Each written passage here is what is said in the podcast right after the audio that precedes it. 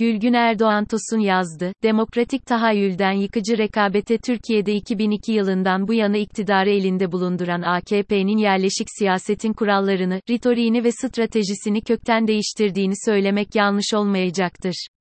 AKP'nin dönüştürdüğü ve çoğu yerde olumsuz yönde eğip büktüğü oyunun kuralları bugün muhalefet tarafından yeniden yazılmaya çalışılıyor. Yeni dönemde muhalefetin oluşturduğu Türkiye masası tarafından ortaya konulacak yeni siyaset ritoriğinin ve stratejisinin yurttaş talepleri temelinde biçimlendirilmesi elzemdir.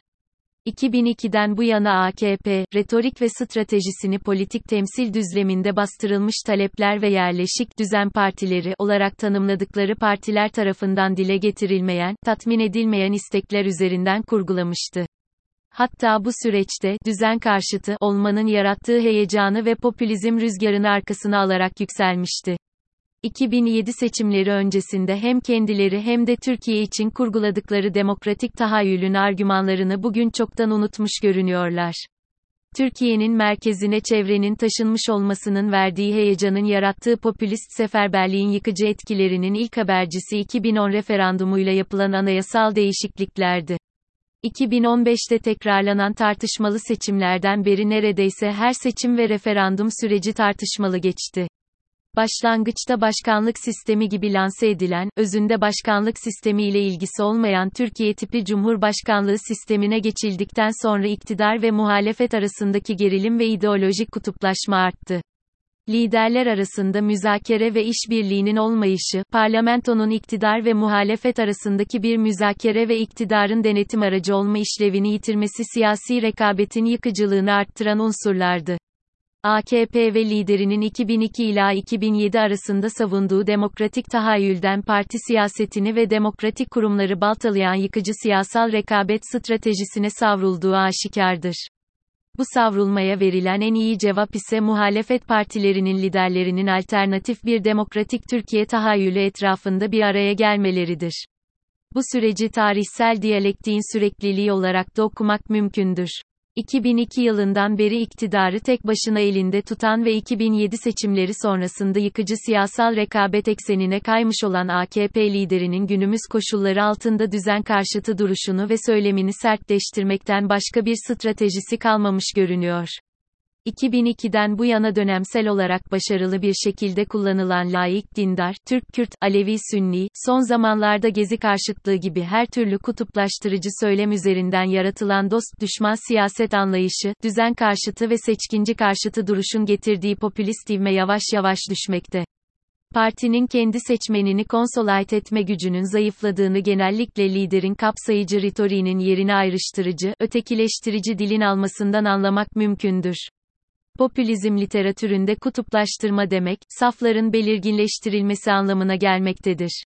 AKP ve liderinin tercih ettiği popülist siyaset tarzının stratejik mantığı kutuplaştırıcı siyaseti zorunlu kılar. Bir zamanlar partiye önemli ölçüde güç kazandıran bu stratejinin en önemli handikapı zorunlu olarak dayandığı kimlik siyasetinin partiyi güçlü ideolojilere veya programatik taahhütlere daha az, dışlayıcı siyasi ritoriğe daha çok bağımlı kılmasıdır. Bu durum liderin sürekli hınç içinde, öfkeli ve hasmına düşmanca tavırlar içinde olmasını gerektirir.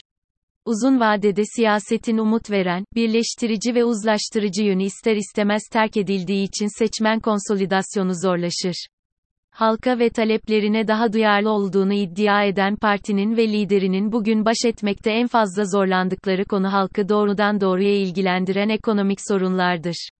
Artan döviz kurları ve yüksek enflasyonun baskısı altında hızla yükselen elektrik, doğalgaz faturaları, ev kiraları, Eylül ayından bu yana 7 TL 77 kuruşten, siz bu yazıyı okurken, 27 TL 48 kuruşa çıkacak benzin fiyatlarının gıda fiyatları üzerindeki yoksullaştırıcı etkisi çok kolay çözülecek sorunlar değildir. İktidarın yönetemediği ekonomik sorunlar tabanda halkı birleştiren önemli bir faktör olarak karşımıza çıkmakta. AKP'nin iktidarda bulunduğu 20 yılda kurmaya çalıştığı düzen karşıtı düzenin ekonomik hoşnutsuzları çoktan bir karşı blok oluşturmuş durumda. Nokta. Popülizmin vazgeçilmez ritoriği olan şiddetli duygusal kutuplaştırmanın ve popülist kışkırtmanın tuzağına düşmemek, kimlik temelli, etkileşimsel, ilişkisel, sosyopolitik bölünmeleri derinleştirmek ve büyütmek amaçlı iktidar söyleminin tam karşısında kapsayıcı bir ritoriği sahiplenmek muhalefetin tabanın büyütebilir iktidar tarafının değersizleştirdiği, yetersizlikle suçladığı, yozlaşmış olarak damgaladığı, hınç siyasetiyle yaklaştığı toplumsal grupları ve daha önemlisi derin yoksulluk baskısı altındaki aileleri sahiplenerek, Türkiye'nin ihtiyacı olan demokratik tahayyülün yeniden inşası ve Türkiye masası etrafında bir araya gelen liderlerin etik siyasal sorumluluğudur. Bunu yaparken alternatif olarak önerilen yapısal değişimin ikna edici açıklamalarına, ortak kültürel değerleri ve evrenselci ilkeleri kullanarak toplumu yeniden özgürlük, çoğulculuk ve adalet temelinde kucaklayan yapıcı ve kapsayıcı sosyal politikalara ihtiyaç vardır.